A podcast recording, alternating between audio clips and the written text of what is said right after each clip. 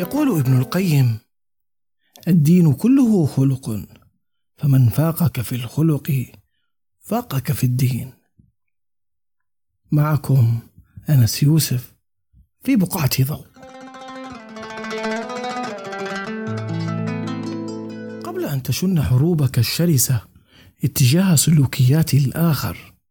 تذكر بأنك لست معصوما ومنزها عن فعل الأخطاء وبأنك لست مسؤولا عن إصلاح البشرية بالقوة الجبرية.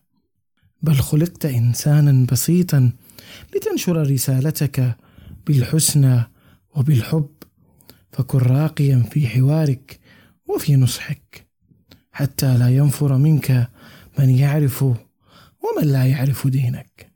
وتذكر قبل ذلك بأن كل إنسان له قناعته الخاصة وبيئته المختلفة عما تؤمن به.